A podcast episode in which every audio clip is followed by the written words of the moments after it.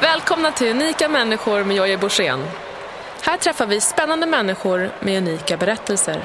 Den här podcasten sponsras av Vitamin Manager som skräddarsyr din dagliga vitaminmix och anpassar den utifrån ditt behov. Gör ett test och se vad du behöver eller välj din mix själv på vitaminmanager.com. Med rabattkoden JOJE2016 får du din första leverans för 95 kronor.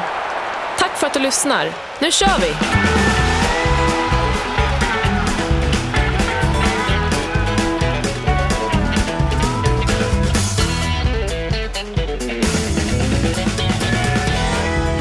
Hej och välkomna får jag säga till det här avsnittet av Unika människor. Idag har vi finbesök av eh, en kvinna som eh, sedan 2001 har jobbat som vetenskapsjournalist och eh, i samma veva där ungefär, hon får rätta mig om jag har fel, disputerade i molekylärbiologi, bioteknik vid Uppsala universitet. Hon har publicerat texter i DN, SvD, San Francisco Chronicle, Fokus forskning och framsteg, ny teknik, Dagens medicin med mera, med flera. Hon heter Ann Fernholm. Välkommen. Tack ska du ha. Eh, var det där rätt?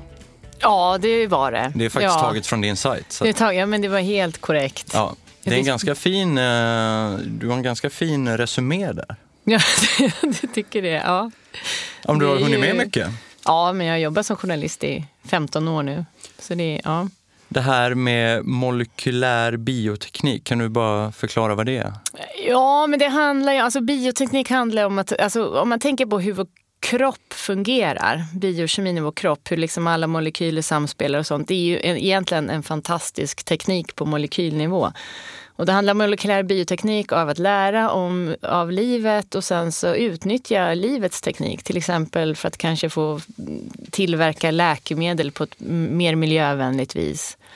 Så lite av min forskning gick ut till exempel på att ta enzymer i kroppen som är experter på att katalysera kemiska reaktioner vid neutralt pH. Man behöver inte massa farliga eh, syror och, och så. Och sen så, så utan de funkar vid normalt pH i vattenlösning och sen så kan man få dem att katalysera reaktioner som vi behöver få genomförda. Liksom. Hänger du med? Ja, jag står här som ett Ja. frågetecken. Men okej, Ja, men det det- jag hoppas ni där ute hänger med i alla fall. Ja, men det är spännande i alla fall. Det Ja, man kan det... säga att jag höll på med biokemi också. Ja. Kroppens kemi, det som händer i kroppen, den är ju helt fantastisk. Att Ja, den visst är den funkar, det? Liksom. Ja, det är helt sjukt. Jag blir chockad varje dag jag vaknar, det är att Ja. den funkar så bra. Ja, men ju mer man lär sig, desto mer ödmjuk blir man inför vår kropp. Men varför lämnade du det spåret då och valde att bli journalist som är ett ganska tråkigt yrke?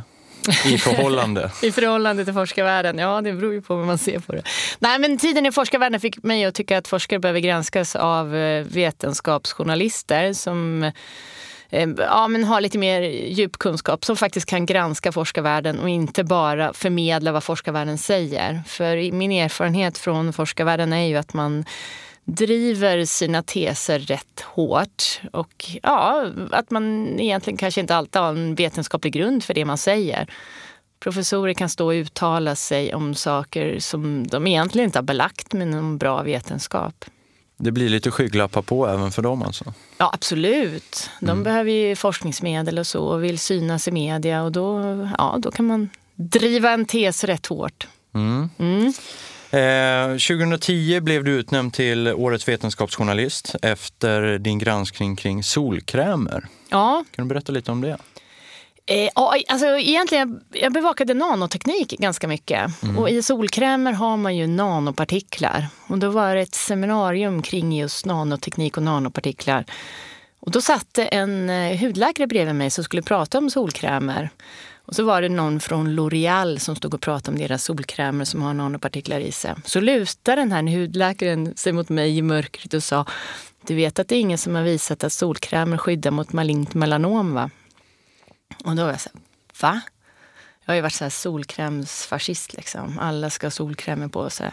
Barnen måste ha jättemycket, Ja. alla måste ha. Och så ja. bara satte man sig in i det där. Så bara, nej, det är aldrig någon som har visat att solkrämer faktiskt skyddar mot malignt melanom. Man vet att det skyddar sig mot att bränna sig i solen. Och det är UVB som gör att vi bränner oss. Men UVA-strålar kan vara de som orsakar malignt melanom. Också. UVB kan göra det också, men UVA. Och där skyddar inte solkräm, framförallt inte första generationens solkrämer. Där, där kunde man läsa de vetenskapliga artiklarna att nej men nu vet vi att första generationens solkräm, de funkade inte alls. De gav bara ett falskt skydd i solen. Så nu utvecklar vi andra generationen. Det är fortfarande ingen som vet om de fungerar. Vad menar man med det här första och andra generationen? Ja, men det ena gav bara skydd mot UVB-strålar. Ja, okej. Andra generationen ger skydd mot UVA också. Fast inte alla UVA-strålar. Det där är lite... Ja. Eh, nej, så kontentan är väl att eh, vi smörjer in oss och tror att vi är skyddade, men det kan bara ge ett falskt skydd. Och så pratar man med de här företagen som gör solkrämer så säger de så här att nej, men det är aldrig någon som har sagt att man ska kunna använda våra solkrämer för att vara en längre tid i solen. Man ska bara ha dem för att vara lika länge i solen som man kunde egentligen vara utan solkrämer. Säger ah, de då. de går runt lite där. Ja, precis. Så, att, ja, så det var Har du slutat använda solkräm sen dess? Ja, vi, det är väldigt sällan. När jag kör skid, om man åker skidor i fjällen och liksom inte har utvecklat egna skyddet och det är stark sol, här, då kan man ha det på näsan. Mm. Annars är det kepsen på. Sen utveckla det egna skyddet, att faktiskt bli långsamt brun. Just det. För då, eh, det är ju liksom naturens eget skydd. Då tjocknar till exempel huden så att Mm. UV-strålningen kommer inte in till den levande delen av huden då, på samma sätt. Så det händer mycket bra saker där. Nej, mina barn tillhör de som är brunast när de kommer till skolan efter sommaren. Ehm, det som är, bara för att fylla i det med solkrämer, det som verkar lite hemskt också när man läser på innehållet i en solkrämstub är ju faktiskt att det är väldigt mycket konstiga ämnen som följer med in i huden. Och huden är ju ett av våra Mm. Ja, de största går inte bara in, organ. de går in i kroppen. De går in i kroppen, ja. Och, då, och då, vet, då var det en sån här studie som jag läste om. Och då är det så att de här, alltså det finns så, så en hel oändlig mängd olika kemikalier i solkrämer. Mm. Men vissa av dem då bryts ju ner i solen. Och då kunde man se, i, i, det här var studier i konstgjord hud, att då bildades det fler syreradikaler i huden Mm. när man hade smörjt sig med den här solkrämen. Så då var man tvungen att lägga på ett nytt lager med liksom intakt solkräm då, för att skydda sig mot de här liksom Mm. nedbrytningsprodukterna av solkräm. Ja, men du vet, det är då man känner, nej, men vad håller vi på med? Liksom. Ja. Under den här tiden vi har haft solkrämer så har ju bara malignt melanom det har bara ökat och ökat och ökat. Och jag tror en orsak är att vi kan vistas mycket längre tid i solen utan att vara skyddade egentligen. Mm. Så, så på med kläder, på med kepsen, Mm. bli långsamt brun, vara i skuggan. Ja, ja, det där är väldigt spännande. Och efter du hade gjort det här så... Man ehm, får säga en sak till som faktiskt med solen. När jag tänker på det. Man måste ju också vara i solen mitt på dagen för att få D-vitamin. Det är också en det. spännande grej. Att här har man sagt så här, nej men ni måste skydda mot solen, ni, för annars får ni malignt melanom, ut i solen, inga barn ska vara i solen. Men så har man helt glömt att solen är egentligen vår enda riktiga källa till D-vitamin. Eh, och det är ju jätteviktigt att vi är i solen och samlar på oss ett stort lager med D-vitamin inför vintern. Just det. Så man behöver vara mitt på dagen en Mm. tid i solen. Man ska inte bränna sig, men man får inte liksom skydda sig helt från solen. Ja, en balansgång. Ja, man kan ju lätt bli lite manisk där vad det gäller sol. När det väl är sol i Sverige vill man ju gärna vara väldigt mycket i solen. Ja. Men, ja. Ehm, Fine, bara man inte bränner sig. I uh, 2011 så sände Vetenskapens Värld ett reportage där du eh, granskade kostråden till eh, typ 2-diabetiker. Mm. Och det var ganska spännande. Jag satt och tittade på de här eh, reportagen som finns på Youtube. Ni Ja. kan titta. Eh, och det är ju... Det var lite så här chockerande hur eh, man, man tänker så här, men nej, det kan väl inte vara så? Är det så jävla illa, tänker man. Och eh, det framgår ju där i reportaget att det är verkligen så illa. Hur, Ja, det är hur- aldrig någon som har lagt en vetenskaplig grund för de kostråd man får vid typ 2-diabetes. Nej. Och eh, kan du berätta lite om varför du, eller hur, hur det kom sig att du fick göra det uppdraget? Ja, för mig började det ju... Alltså jag intervjuade en kvinna våren 2009 som Mm. då eh, hade typ 2-diabetes. Hon berättade för mig om dagen när vågen stod på 100 kilo. Hon behövde ganska mycket insulin för att försöka få ner sitt blodsocker. Men en biverkan av insulinsprutor är att man går upp i vikt. Så hon gick ju bara upp och upp och upp i vikt. Till slut vägde hon 100 kilo och kände att livet var allmänt hopplöst. Diabetes blev bara värre och värre och värre. Och visst är hon med i den här... Ja, hon är med i Det- ja, reportaget. precis. ja, Mm. Helena Hesselmark heter hon. Eh, men då eh, så gick hon ut på internet och insåg att man kan hantera sin diabetes med hjälp av en lågkolhydratkost. Så tog hon bort pasta, ris och potatis och in med mer fett och protein. Eh, och på den kosten kunde hon lägga bort sina insulinsprutor inom loppet av två dagar. Bl- blodsockret gick ner och la sig på en låg och jämn nivå och hon rasade i vikt och hon gick ner över 40 kilo i vikt inom loppet av två år. Mm. Och där fick man ju börja ifrågasätta vad jag har lärt mig för att vi har ju alla lärt oss att man ska inte kunna börja äta mer fett och gå ner i vikt. Det ska ju vara enligt rådande kostparadigm helt omöjligt. Hon hade dessutom perfekta blodfetter, mm. eh, trots att hon åt mer fett. Då. Så det där fick mig att sätta mig in i liksom kosthistorien. Hur har kostråden formats? Och titta på det här med kost vid typ 2-diabetes. Så då var då jag insåg att det finns ingen grund för de kostråd man får idag. Nej. Ja, det är väldigt tydligt. Det framgår ja. ju tydligt. Ja. Eh, och hur kan det vara möjligt att det har blivit så? Då? Varför, varför har det inte funnits någon, någon korrekt eh, forskning kring det? Alltså man kan, om man tittar på den medicinska historien så kan man se att den är egentligen ganska ung, medicinska vetenskapen. Mm. Om man tittar på i början av 1900-talet, om man jämför med läkemedel. Så när det kom, de första läkemedlen kom, det var ju bland annat olika antibiotika som kom i början av 1900-talet. Då eh, fick ju, kunde man godkänna en ny antibiotika bara på att liksom olika läkare sa att det här har bra effekt här, det här har bra effekt här, det här kan du käka mot urinvägsinfektion. Och då blev det en tävling bland bolagen, så ju bredare antibiotikan slog desto bättre. Så man mm. behandlade ju ganska liksom, typ en vanlig urinvägsinfektion kunde man behandla med ett bredspektrums antibiotika. Liksom. Och det var ju många som var kritiska till det här och tyckte att man skulle reglera det här, var tvungna att göra vetenskapliga studier som bevisade effekt vid olika sjukdomar och sådär. Det var ju lite liksom vilda västern mm. på det området. Sen kom Neurosedynskandalen. Det här sömnmedlet som när gravida kvinnor tog det så fick de ju gravt missbildade barn. Eh, och... Eh, det ledde till en kravhöjning på, eh, på läkemedelsområdet. En ordentlig kravhöjning där man nu kräver så kallade randomiserade kontro kontrollerade studier som utvärderar effekter och biverkningar så, inom det. Men tittar man på offentliga rekommendationer som kostråd så har de aldrig genomgått den kravhöjningen.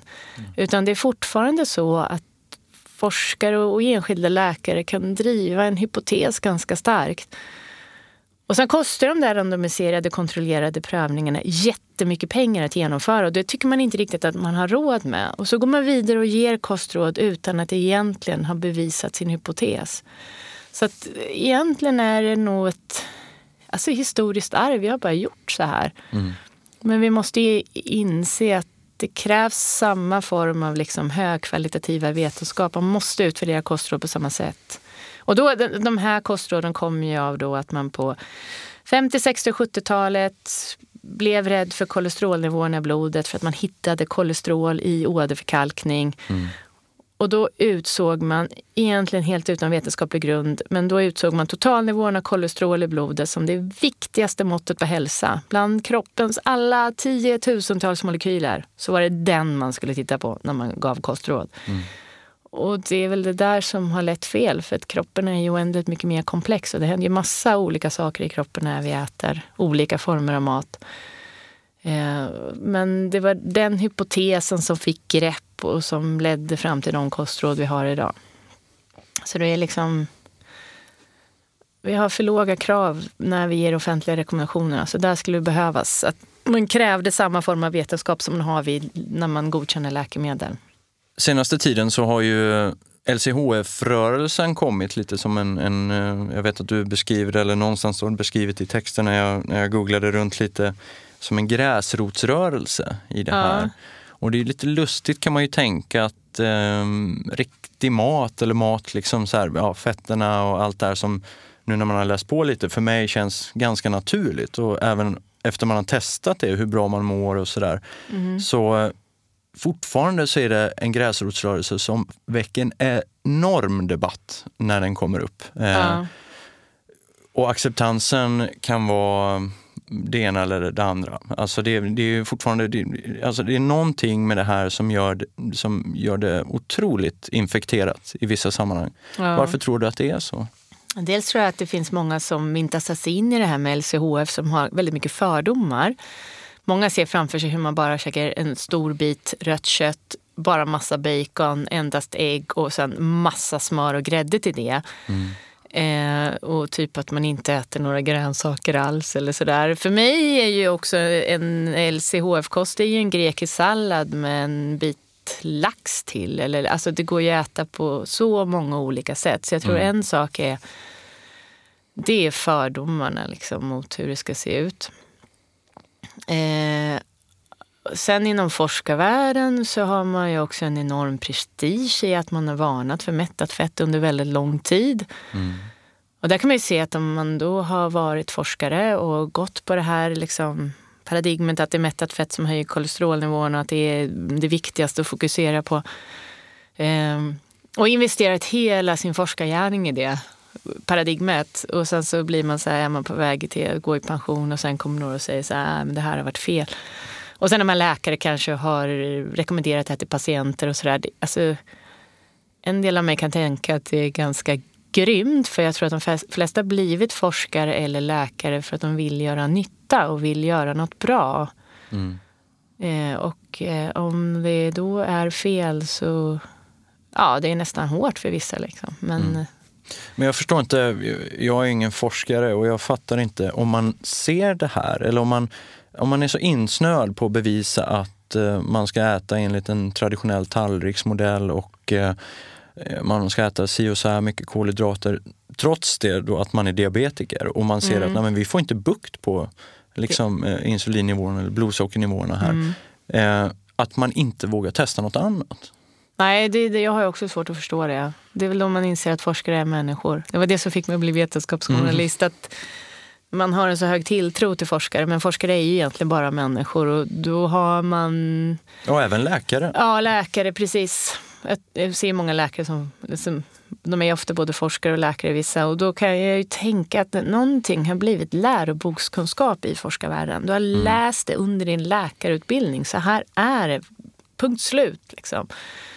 Då ska det rätt mycket till innan man rubbar den kunskapen. Och det gäller ju inte bara kostområdet. Det är många olika områden inom forskarvärlden som, som ser ut så. När det har blivit lärobokskunskap då, då blir det oftast en extrem debatt innan man kan börja se världen utifrån ett nytt perspektiv. Jag är ju personligt drabbad av det här på något sätt i och med att min pappa var um, typ 2-diabetiker. Och Ja.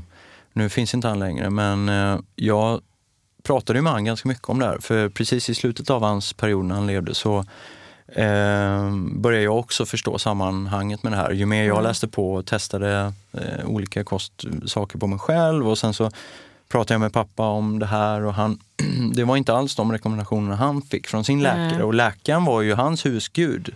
Mm. Jag kunde liksom inte säga något till han riktigt hur, Nej. ja men har du testat det här, har du gjort det här? Utan det var ju, det var ju väldigt mycket brödbas i Ja. kosten och, och sådär. Och, och jag blev nästan lite, jag minns att jag blev nästan lite förbannad på sjukvården hur, Mm. hur de var så insnöade på det här. Och, och sen när man lyssnar på kanske kostdoktorn eller ja, andra, man lyssnar Mm. på föreläsningar och så, här, så förstår man att det här är ganska, så där är det. Eller det, är- det är den, den traditionella föreställningen som läkare. Mm. Och då kan jag inte riktigt acceptera hur man i, inom läkarkåren inte kan ta sig an ny forskning då eller bevis för att en ändrad kost kan funka. Ja.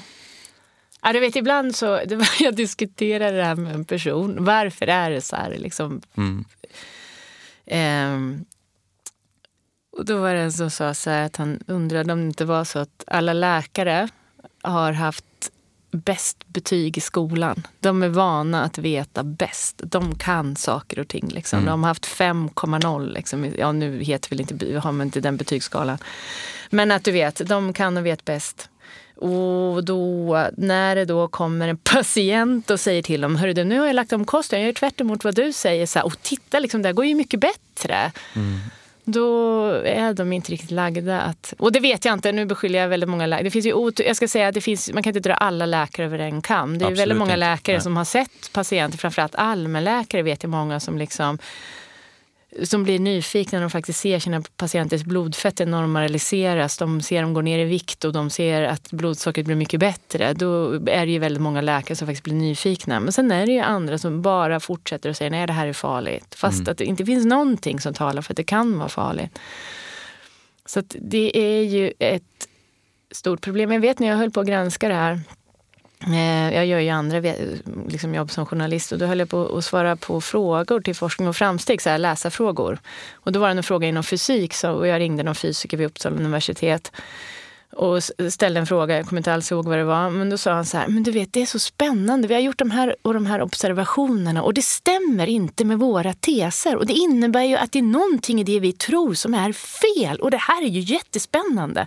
Mm. Och då vet jag att jag tänkte så här, Nej men herre, det är ju så här en forskare ska vara. Det här är ju min bild av forskarvärlden. Och när jag har liksom granskat kosten så har jag blivit helt desillusionerad att det inte finns där.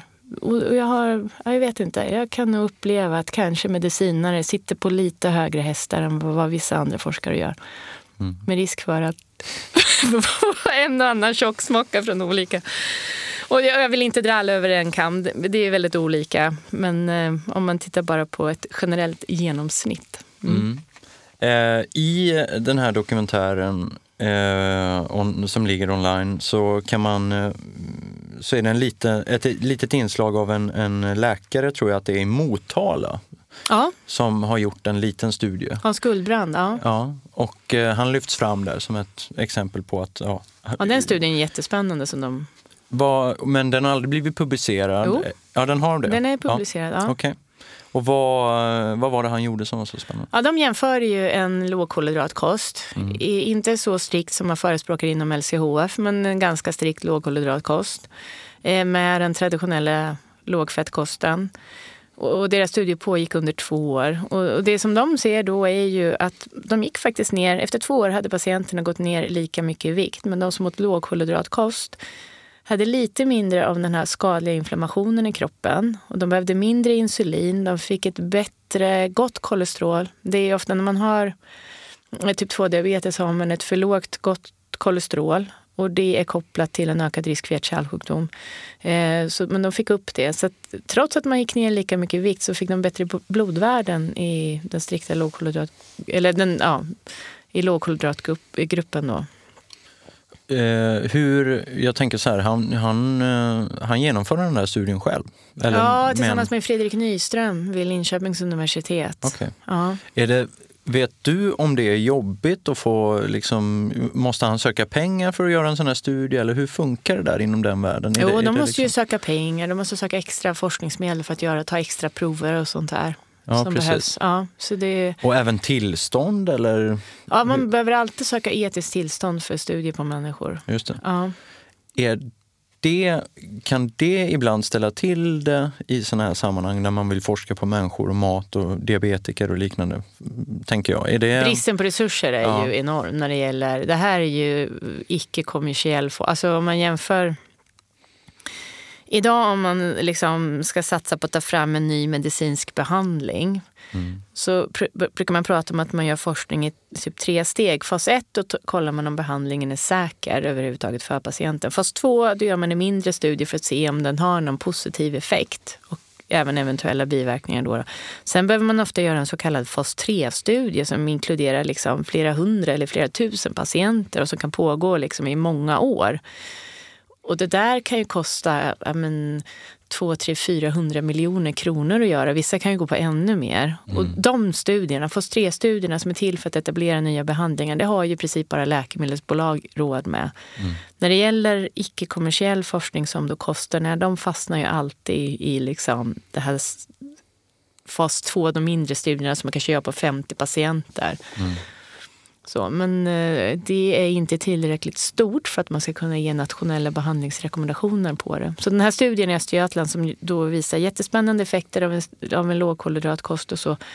Den bedöms ju då som för liten för att kunna ligga som grund för nationella behandlingsrekommendationer. Mm -hmm. Förlåt att jag stör. Jag vill bara påminna om rabattkoden JOJE2016 som du kan använda på vitaminmanager.com.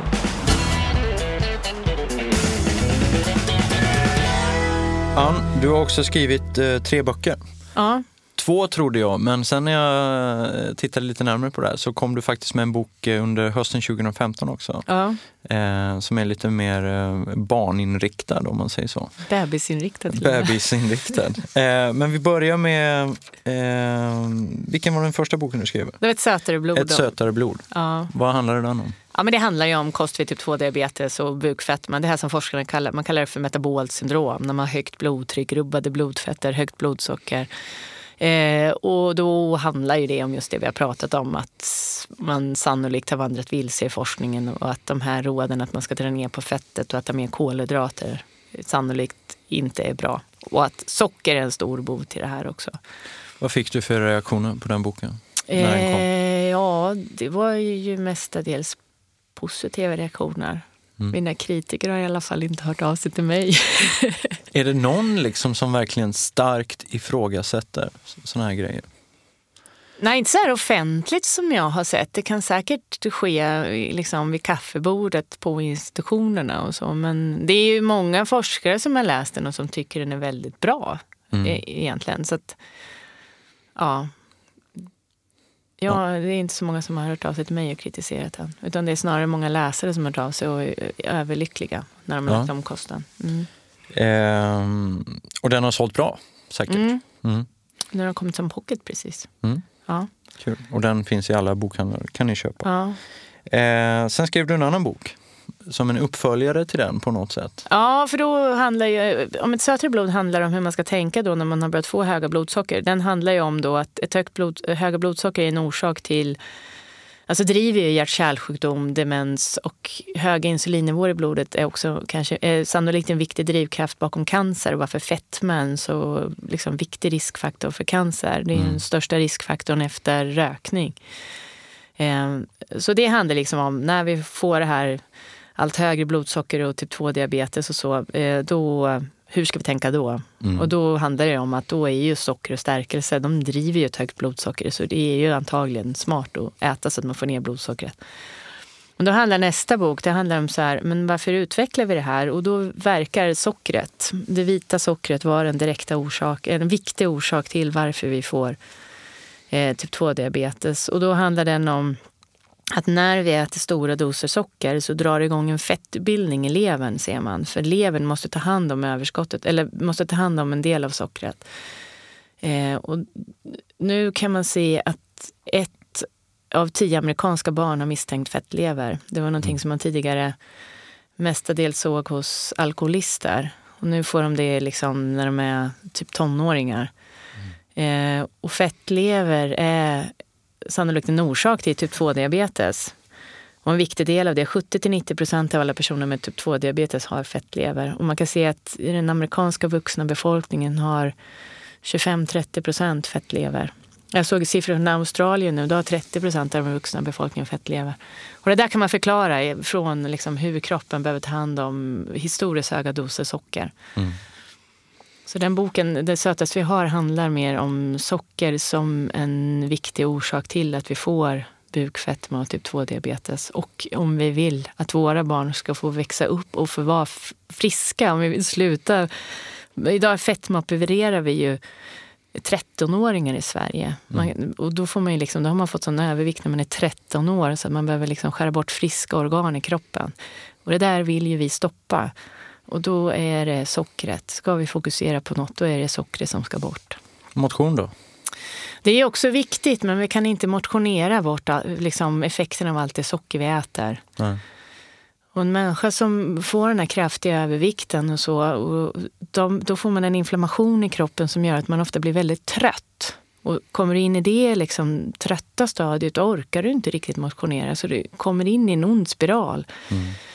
Så att, motion är ju jätteviktigt och röra på sig är jätteviktigt, men vi behöver dra ner på sockret också. Och sen skrev du en tredje bok. Ja, då, då är det så här. Då går jag tillbaka igen då, då för då handlar den om hur gör vi då för att inte hamna i sockerträsket med våra barn. Idag Just finns det ju barn som knappt kan äta frukost utan att det liksom flingorna består av typ 40 procent socker. Liksom, mm. Och man ska äta en extremt söt yoghurt till det. Och det klarar ju inte kroppen i det långa ropet. Men vad ska vi göra då för att barn faktiskt ska äta riktig mat? För att de ska kunna äta lax och broccoli och liksom leverpastej och näringsriktig mat. Mm. Och då visar forskningen, det här är ju den boken jag själv hade velat ta när jag fick barn. Mm. För forskningen visar att det första året smakträning är jätteviktig. Smak och konsistensträning. Att man får ha hela bitar mat i munnen och känna du vet, konsistensen av en slemmig äggröra och sådär i munnen. För sen när barn blir ett och ett halvt år då blir de vad forskare kallar för neofobiska. Man blir skeptisk mot ny mat helt enkelt. Och har vi inte lärt dem äta riktig mat innan ett och ett halvt års ålder då är det lite för sent sen. Och då det, blir det lätt så att man hamnar i det där socker och pastaträsket. Att barnen kan bara äta socker, pasta och vitt bröd. Liksom. Och det är ju den mest näringsfattiga maten. Det finns ju väldigt lite vitaminer och antioxidanter i det.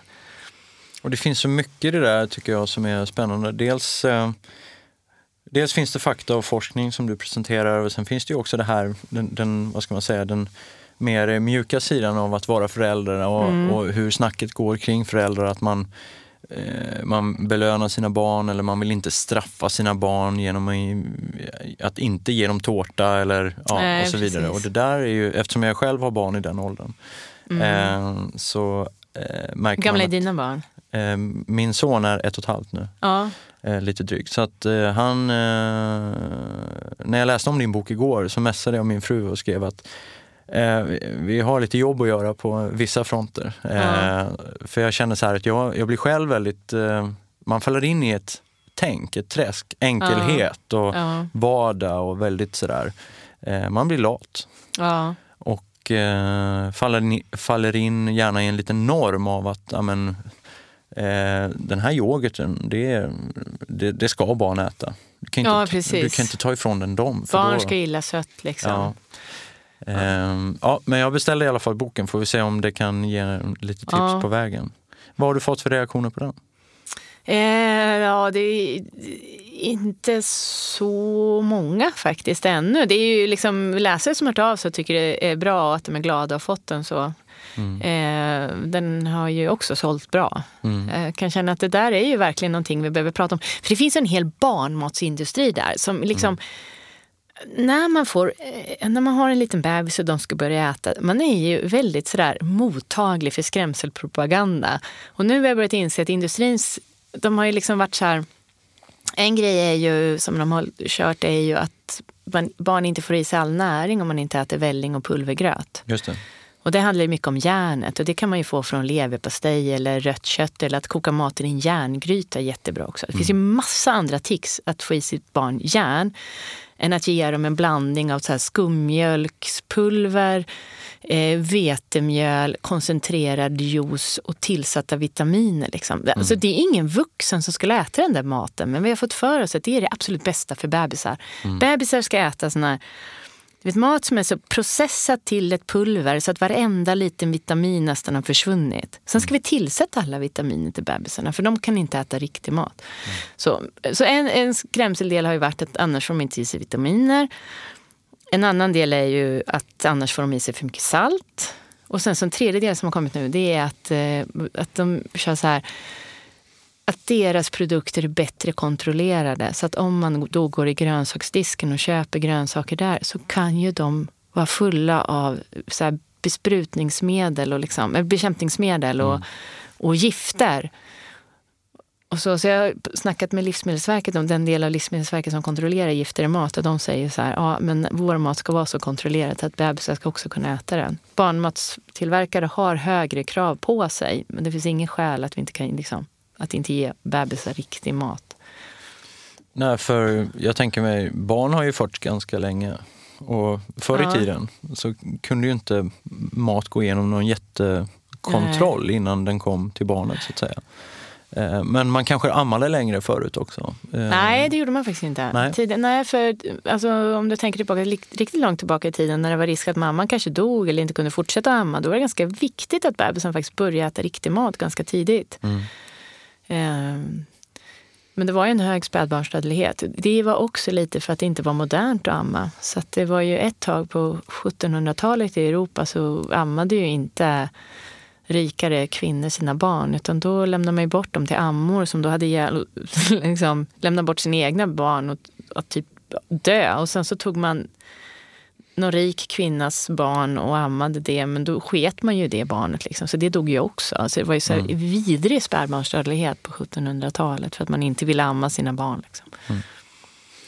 Ja, okej. Okay. Och den boken eh, finns ute i handeln nu. Den kom hösten 2015. Ja, Smakäventyret heter Smakäventyret. Ja, ja, det ska bli spännande att läsa. Men det är, jag kan plocka med mig något där, även till eh, min familj. Och min son är ett och ett halvt där. Ja, men kör på mycket smakträning nu, för nu är ni i slutstadiet. Ja. Men sen har jag, liksom i slutet har jag lite så här, för sen blir de ju mer kräsna. Det, blir ju, det är en naturlig del av utvecklingen. Och då är ju mm. frågan, hur hanterar man det där? För att man ska ju inte liksom typ, barnet har alltid käkat eh, lax. Sen mm. så har de gått, varit på dagis och så sitter liksom grann, ett annat barn på dagis och bara det här med lax, vad äckligt och så här. Och då kommer de hem och säger nej jag tycker inte om lax och så här. Och då har de ju alltid ätit lax. Hur mm. hanterar man den situationen liksom?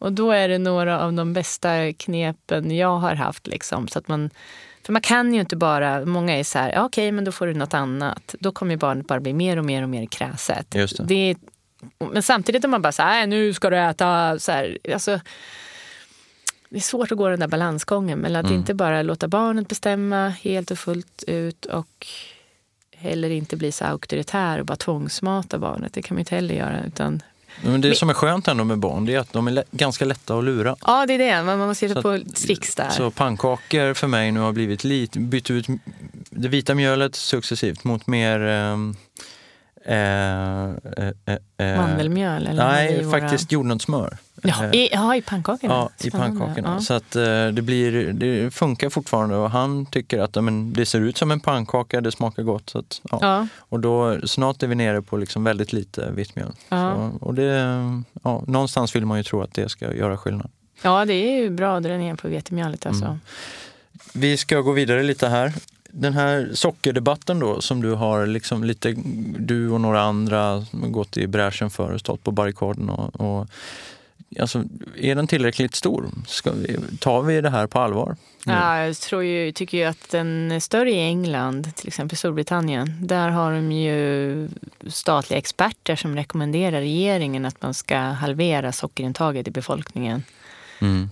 Och, där har de också gått ut på sjukhusen nu och sagt att de ska, jag tror de skulle ha sockerskatt i kioskerna på sjukhusen så att man inte bara sålde alltså skräpmat. Mm. Liksom där människor är sjuka, där behöver de ju verkligen näringsriktig mat. Mm. Och varje kalori från socker är ju en kalori helt utan näring och fibrer. Mm. Eh, så det tror jag är ett stort problem med sockret.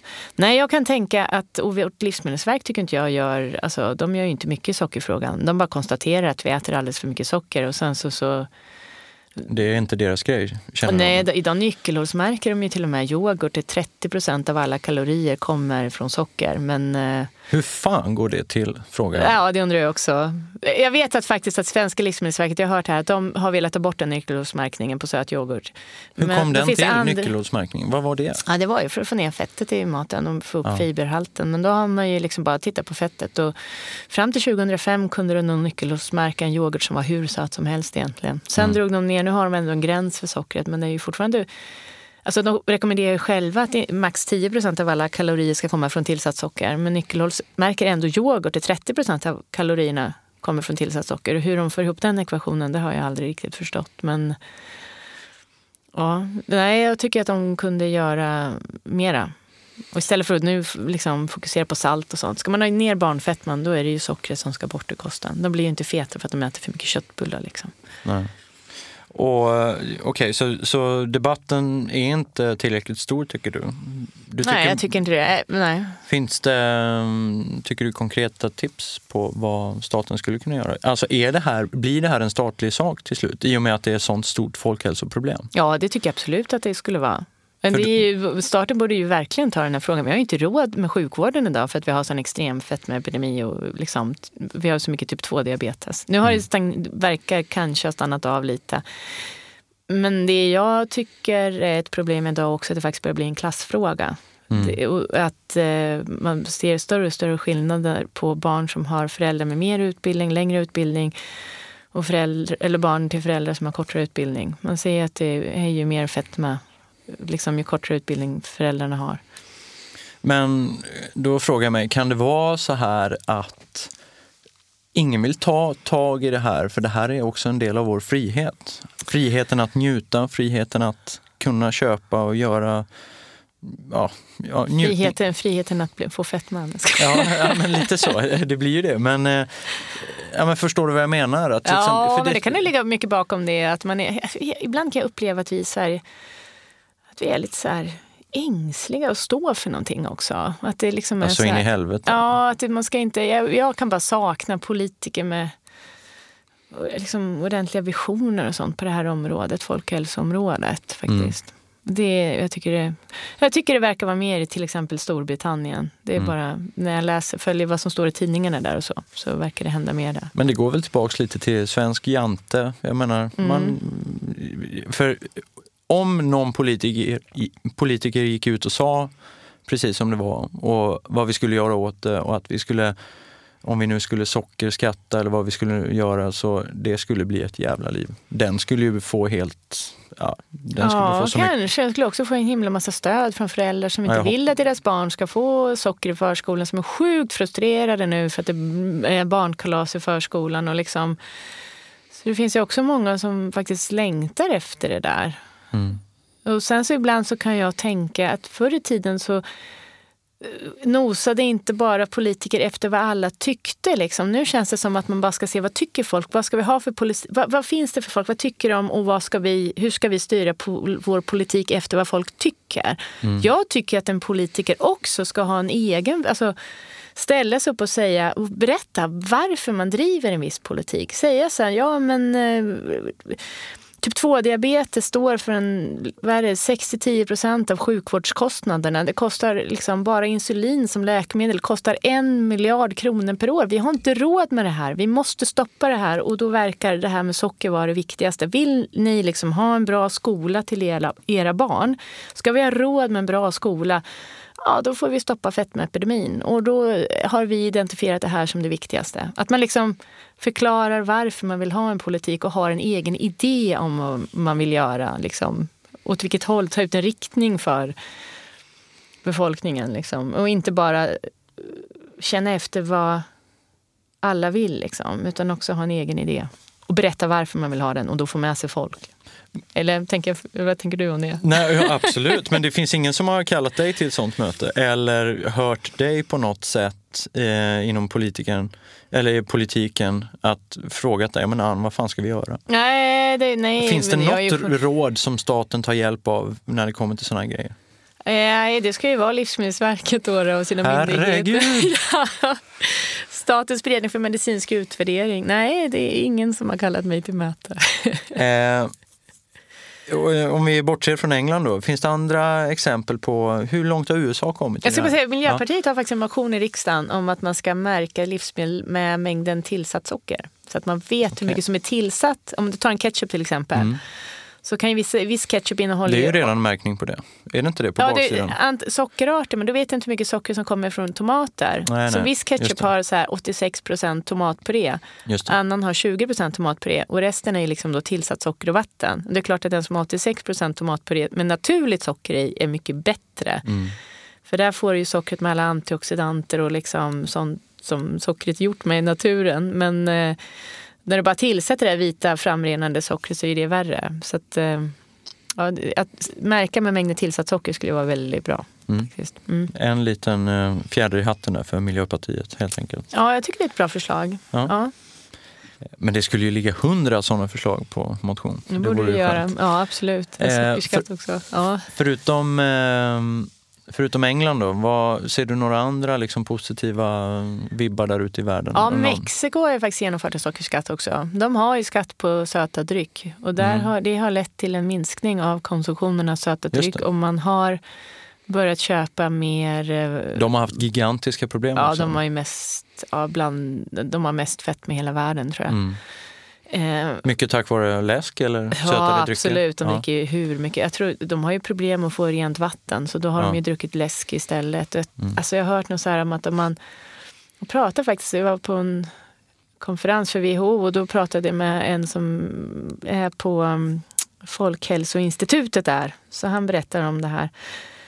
Jag för mig så att det är så att om man målar Coca-Colas logga på ett hus så har jag för mig att man fick liksom rabatt eller något sånt där. Mm, eller att man fick, mm. ja, du vet. Jag tror man fick gratis färg eller något i huset. Jag vet inte. Ja. Det var någon sån här. Ja, Wow, det har gått långt. ja, Eh, Okej, så Mexiko har, har, precis, de har infört någon form av sockerskatt. Ja, USAs nya kostråd har ju för första gången någonsin dragit ner mängden socker i maten till 10 procent av alla kalorier från jag får mig 25 procent. Så Mm. i USA har det också liksom blivit mycket större medvetenhet kring sockret. Mm. Antalet forskningsartiklar när man faktiskt studerar hälsoeffekterna av socker har ju också, när man sållar bort sockret från övriga kolhydrater, för man har liksom klumpat ihop alla kolhydrater i en enda klump. Mm. Men nu har man liksom börjat sålla stärkelse som vi ser i ris, pasta och potatis då, från det här vita sockret och så tittar man bara på sockrets effekter. Just det. Och det som är unikt med socker då, då det är att det innehåller sockerarten fruktos och det verkar vara det i stora doser som skadar kroppen. Och fruktos finns ju i frukt också men i mycket, mycket lägre doser.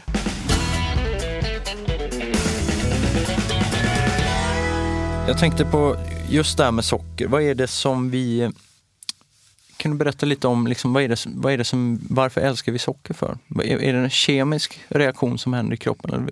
Alltså socker har ju en speciell effekt på hjärnans belöningssystem. Det ser man ju liksom att det Ja. triggar igång hjärnans belöningssystem. Och tittar man på barnen, liksom, de ligger ju aldrig och skriker efter rött kött eller broccoli i affären utan de skriker efter glass och godis. Man kan ju se på Mm, dem att mm. socker har en speciell effekt som inte andra livsmedel har. Och då debatteras det i forskarvärlden idag om det finns ett sockerberoende eller inte.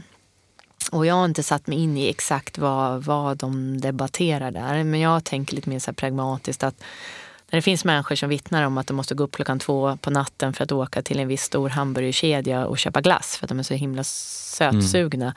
Då har man ju ett beroendebeteende Mm. och att man behöver få hjälp med det. Och att socker... Alltså, det kan nog alla känna igen sig att ju mer socker man äter desto mer vill man ha. Mm. Och det är väldigt få människor som kan ta en godisbit ur en godisskål. Det leder ju nästan alltid till att man vill ha fler godisbitar. Ja. Och jag tänker, och det är många som har dåligt samvete för att de inte klarar att begränsa. Liksom om man tar en kaka från kakfatet så kan de inte begränsa sig till en. Och, och de tycker själva att de är dåliga, man lägger massa skuld på sig. Och så här. Jag tänker att vi ska nog bara acceptera att den mänskliga hjärnan funkar så. Den mänskliga hjärnan älskar socker. Ju mer socker vi matar den med, desto mer socker vill den ha. Och det är bara att acceptera det och sen inrätta livet därefter. Vilket innebär att skicka ut sockret från hemmet, inte ha massa socker hemma så man kan bara gå och nalla i skåpen. Inte ställa fram en stor, inte köpa hem liksom stor godisskål och tänka att man ska bara ta fem bitar utan inse att då kommer man äta allt. Så då ska man bara, om man vill ha godis, köpa fem bitar och inte mer. Liksom. Sådana saker. Att vi, ja, och akta oss för att, från att eh, göra våra barn sockerberoende genom att liksom, mata dem en himla massa socker. Skapa den där längtan efter socker hos barnen, det ska vi passa oss för. Mm. Ibland så möter man det här argumentet med att folk, folk, är, folk är ganska rädda generellt för att stoppa i sig lite kolhydrater. Om man säger alltså min, min hjärna funkar inte utan kolhydrater. Man, eh, man har inbillat sig själv att man helt enkelt måste ha mm, gryn, pasta, ris och så vidare. Eh, och det där verkar inte heller egentligen vetenskapligt stämma. Eh, hjärnan kanske behöver en viss andel kolhydrater, men, Ja. men kanske inte i de mängderna som vi... Men framförallt som jag börjar se det så, så pratar man att hjärnan behöver socker, men det behöver inte det vita sockret. För Nej. det här fruktos som finns i det vita sockret, sackaros, det vita sockret, består av glukos och fruktos. Och det verkar vara fruktosen som är skadligt för oss. Och hjärnan behöver absolut inte fruktos som energikälla, utan hjärnan behöver, om den behöver något så är det glukos. Och det kan man ju då få i sig via liksom, potatis om man vill äta det. Och då är ju potatis enormt mycket bättre än att äta en kaka eller godis eller glass. Liksom. Så Mm. att, känner man att man blir luddig i hjärnan på en låg kolhydratkost så behöver man absolut inte äta socker för den sakens skull. För, för, ja. Så som jag börjat se det så verkar det som att det är socker som, i förebyggande syfte så ska vi undvika sockret. Och sen som jag personligen känner jag att jag håller vikten om jag drar ner kraftigt på kolhydraterna. Jag äter ju ingen strikt alltså så här LCHF-kost äter inte jag, men jag äter väldigt mycket mindre kolhydrater än tidigare och de jag äter det har oftast ett mycket högre glykemiskt index, mycket fiberrika kolhydrater. Men eh, om man är trillat över gränsen och fått typ 2-diabetes då måste man ju se upp förstärkelsen som höjer blodsockret. Liksom. Ja, så att i förebyggande syfte främst bort med sockret. Har du trillat över gränsen, fått bukfetma, typ 2-diabetes, då är kolhydrater i allmänhet ett problem för kroppen. Hänger du med hur jag ja, tänker? Ja, men jag hänger med. Jag Ja. hänger med. Eh, på tal om eh, diabetes och typ 2, och har den, hur långt har vi kommit där vad det gäller kosten? Har det blivit allmänt känt att det här är en behandlingsmetod? som Hur resonerar vi? Vi pratade lite om det tidigare, men är, det, är vi fortfarande där vi var för tio år sedan? Ja, det är ingen... eh, I de statliga rekommendationerna idag så kan du rekommendera en lågfettkost eller som man kallar det för en traditionell diabeteskost. Du kan rekommendera en GI-kost eller en måttlig lågkolhydratkost. Men du kan inte rekommendera en strikt lågkolhydratkost idag. Nej. Eller ska inte göra det. Nej. Det är därför vi har grundat Kostfonden. Exakt, Ja. Det var det jag tänkte att vi skulle prata lite om. Vad är det för något? För det här är ju, jag blev faktiskt medlem igår på det, för jag tycker att det är så himla bra initiativ. Mm. Eh, faktiskt ett, ett enda, eh, vad ska man säga, välgörenhet eller bidrag jag skänker varje månad numera. Jaha, vad Jaha. roligt. Ja, Tack. för jag, har inte Ja, känt, jag känner mig vilse lite bland Barncancerfonden och galer på tv och allt det här. Det, jag har känt så här, nej men det är inte min hjärtefråga riktigt. Nej. Ehm, berätta, Kostfonden. Ja, men kostfonden är ju, alltså, nu har jag granskat de här kostfrågorna sedan 2009 egentligen. Och jag har ju blivit så frustrerad så många gånger på att det finns så få välgjorda, stora vetenskapliga studier. Som man då säger, randomiserade kontrollerade prövningar, det är bästa form av vetenskap som man har. Eh, Och det finns ju till exempel inga sån, det finns en på typ 2 diabetes där man tittar på hur kosten påverkar risken för hjärt-kärlsjukdom. Och den är gjord på traditionell lågkalorikost och den visade ingen effekt på hjärt-kärlsjukdom. Ehm, och då har ju vi grundat Kostfonden för att samla ihop alltså medel till större och mer välgjorda eh, kost, alltså studier och kostbehandlingar där man behandlar olika sjukdomar och där man gör randomiserade kontrollerade prövningar som är liksom stora, inkluderar många personer som faktiskt kan fälla någon slags avgörande. Just det. Ja. Och, och vad, vad har ni kommit? 2015 var ett av er ett Ja, första 2000, år. ja, precis. 2015 var vårt första hela år och då samlade vi in faktiskt 600 000 kronor. Och det är så häftigt för det är, det är liksom 100 spänn där och någon skänker 250 kronor i månaden, någon skänker 50. Liksom. Många kanske är pensionärer och har inte råd med mer. Men jag tycker det är helt fantastiskt att det kan samla ihop så mycket pengar. Och eh, de pengarna gick eh, till eh, där man ska utvärdera kolhydraters roll vid magsmärtor. Så kallad IBS, irritabel tarm, som en tiondel av befolkningen har. Och där börjar det växa fram en bild av att kolhydraterna verkar spela en roll där också. Så det ska de utvärdera. De ska titta på Och IBS är också så här, det är ju, det är ju sånt som faktiskt är på löpsedeln då och då. Det är ju något Ja. som folk verkligen har problem med. Ja, Eh, kan man se många av de här nya böckerna som kommer som har mage och tarm i fokus. Liksom. Ja, man tänker, vem fasen vill läsa om tarmfloran? Liksom. Ja. Men det är bara dunk. Ja, alltså, de säljer ju skitbra. liksom. Bara för att jag tror många har problem med sin mage helt enkelt. och där tesen är då att... eh, Ja, I det här fallet så är det ju, när jag gjorde det här reportaget som du berättade om för Vetenskapens värld, när jag, då följde jag ju sex personer med typ 2-diabetes Mm. som la om kosten för att få, la om till en lågkolhydratkost för att få bukt på sin diabetes. Jag Mm. bara följde dem för att se vad som hände med deras blodfetter och hur de gick ner i vikt.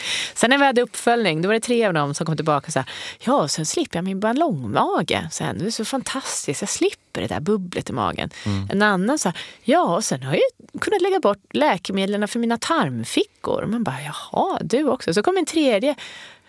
Hon var bara 26 år gammal. Nej, nu, alltså sen har jag min IBS är helt bra. Jag har alltid trott att det var fettet, men jag var ju bra efter två dagar. Så det är tre personer som helt oberoende av varandra vittnar om att de haft en bra effekt på magen. Och där kan man ju se att inom lågkolhydratrörelsen är det en extremt vanlig berättelse att ja, jag la om kosten för att gå ner i vikt, men så blev jag bra i magen. Och så det där behöver man ju utvärdera då. då. Hur, vad, vad liksom, är det en undergrupp av människor med IBS? Det, det finns ju olika former av IBS. Är det några som är hjälpta av det här eller inte? Eller hur funkar det? Och, ja. Och de ska också titta på en kost som kallas för FODMAP som kommer från Australien. Och det går ut på att man undviker vissa fibrer som går ner till tjocktarmsbakterierna och göder dem och som gör att man bildar gaser. Liksom. Mm. Ja. Spännande. Så Ja. det är i doningarna. När kommer den? eh? Ja, de håller på att söka etiskt tillstånd. Och så här med vetenskap är ju långa Ja. processer, det går ju inte snabbt. Så de tror väl att de ska hålla på ungefär två år nu och rekrytera patienter. Det kommer inkludera 250 patienter. Så det tar ju ett tag att genomföra. Wow. Ja, Ja. men det är jättespännande. Är det något mer i, som är på G i Kostfonden som du kan Ja, nu och nästa satsning då. Ja, vi, en sak som vi jobbar på det är att titta på kost vid typ 2-diabetes. Mm.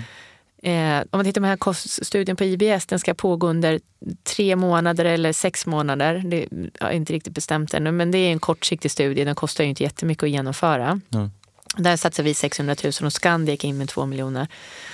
Eh, men en koststudie på typ 2-diabetes och risken för hjärt-kärlsjukdom, den kanske behöver pågå i tio år. Så den Mm. kostar ju så enormt mycket mer pengar. Och där och kanske behöver inkludera alltså, två, alltså, jag vet inte, 4 000, 8 000 personer någonting. Men Eh, kan den... Den kan ju inte kostfonden finansiera, men där vill vi skapa en samling. Liksom. Alltså helt Mm. enkelt jobba för att få till stånd en så här studie, alltså skapa en samling kring det här. Så det är olika forskningsfonder som går in. Men eh, essensen eller resultatet av den studien skulle kunna leda till att eh, man förändrar synen på, eller läkarkåren kanske förändrar synen på det här med kostråd vid typ 2-diabetes. Ja, det kan ju, I sådana fall skulle ju den kunna förändra Socialstyrelsens behandlingsrekommendationer. Och då är vi hemma. Ja, då, alltså, då kommer ju varenda allmänläkare säga det är Ja. kostfond, alltså, så som jag ser det så, så ska kostfonden genomföra så, så stora studier att de faktiskt kan ändra nationella behandlingsrekommendationer. Det kan Mm. leda till en förändring för patienten ute på vårdcentralen. Mm. Det, är, det är liksom målet med kostfonden. Vårt mål är det. Och det coola är ju att genomför man en så stor studie då blir det ett globalt genomslag. Ja. Så det kan ju förändra livet för patienter över precis hela världen. Och då pratar vi flera hundra miljoner människor. Ja, det Ja. gör vi verkligen. Det... Så om någon där ute har några hundra miljoner över på fickan så... Eller en hundralapp i månaden. ja, du vet med de skattesänkningar vi har haft så tycker jag en hundralapp är ju en spottstyver. För, för jag tänker ju också, alltså för mig är det ju, alltså, vi har ju inte råd liksom. Vi, vi måste ju ändra det här. Vi kan inte behandla alla människor som får ja, men typ 2-diabetes. Det ökar risken för till exempel alla så smärttillstånd som är jättevanliga nu, fibromyalgi. Det finns en koppling till bara att ha urinvägsinfektion och vara sjukskriven. Man pratar mycket om de ökande sjukskrivningarna idag, att det, vi har en eh, sämre psykisk hälsa. Och då kan man se att både bukfetma och typ 2-diabetes ökar risken för depression. Och, och att det kanske är så att alltså det påverkar ju hjärnan när man har de här, alltså man får ju helt rubbad ämnesomsättning och en inflammation i kroppen, man blir mycket tröttare.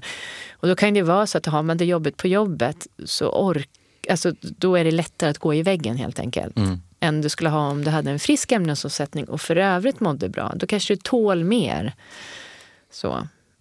Eh, hänger du med jag tänker Mm, där? mm. Ja. Ja, men kroppen Vi är har inte, liksom inte råd helt enkelt. kroppen är inte en maskin man bara ska mata med bensin utan Nej. vi behöver... Vi behöver våra vitaminer och Ja. våra antioxidanter och allting. Ja. Ehm, Vi är tillbaka där vi började, på den fantastiska kroppen.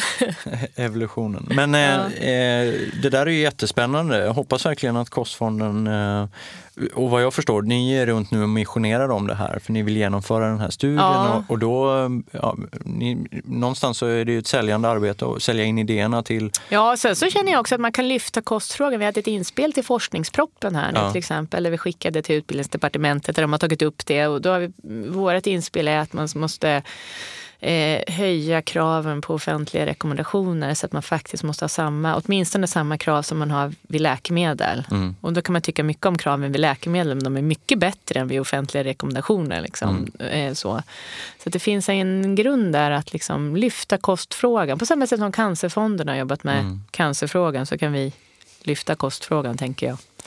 Mm.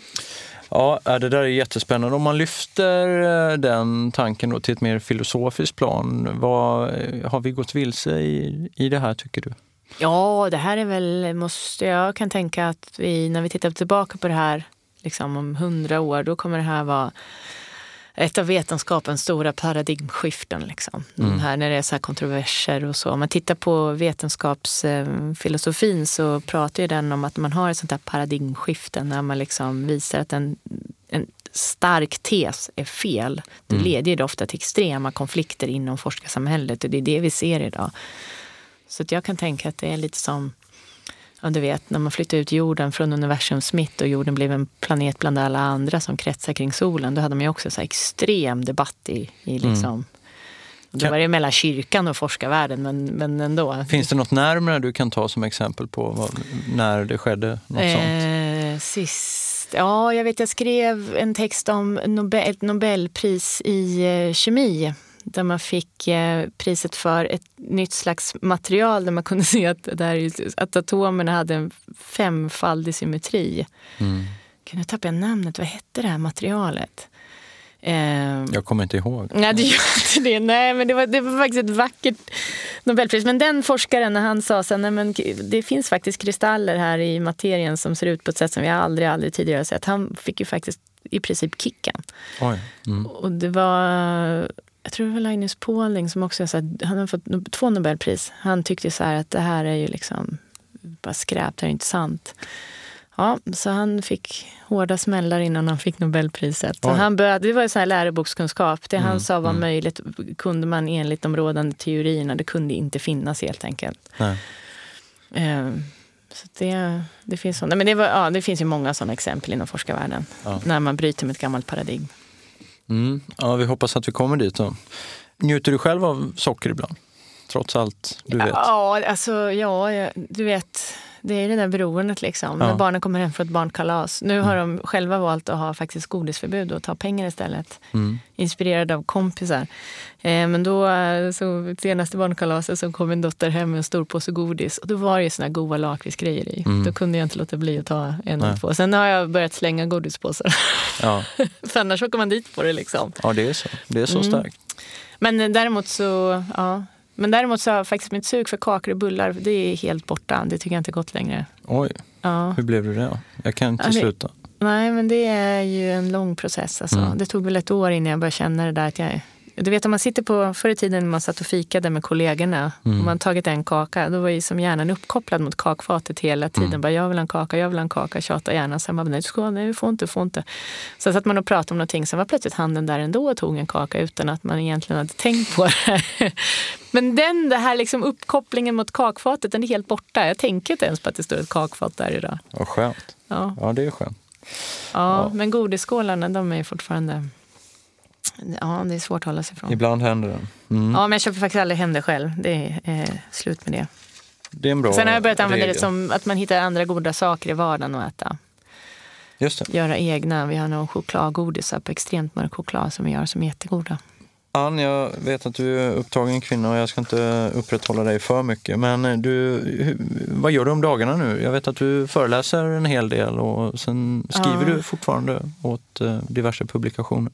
Ja, det har jag inte tid med så Nej. mycket. Jag, jag har lite fasta uppdrag som liksom vetenskapsjournalist. Men sen jobbar jag mycket med Kostfonden. Det är mm. ideellt arbete men jag tycker det känns så viktigt. Eh, men sen eh, ja, så har jag idéer kring en ny bok. Mm. Mm. Spännande. Ja, tack så jättemycket Ann Fernholm för att du kom till den här podden Unika människor. Och eh, vill ni följa Ann i eh, ja, hennes resa mot eh, ett friskare samhälle så via kostfonden.se kan ni gå in där och läsa om den. Eh, och så hoppas vi att det kommer någon ny bok som skakar om Sverige och världen lite. Tack. Tack.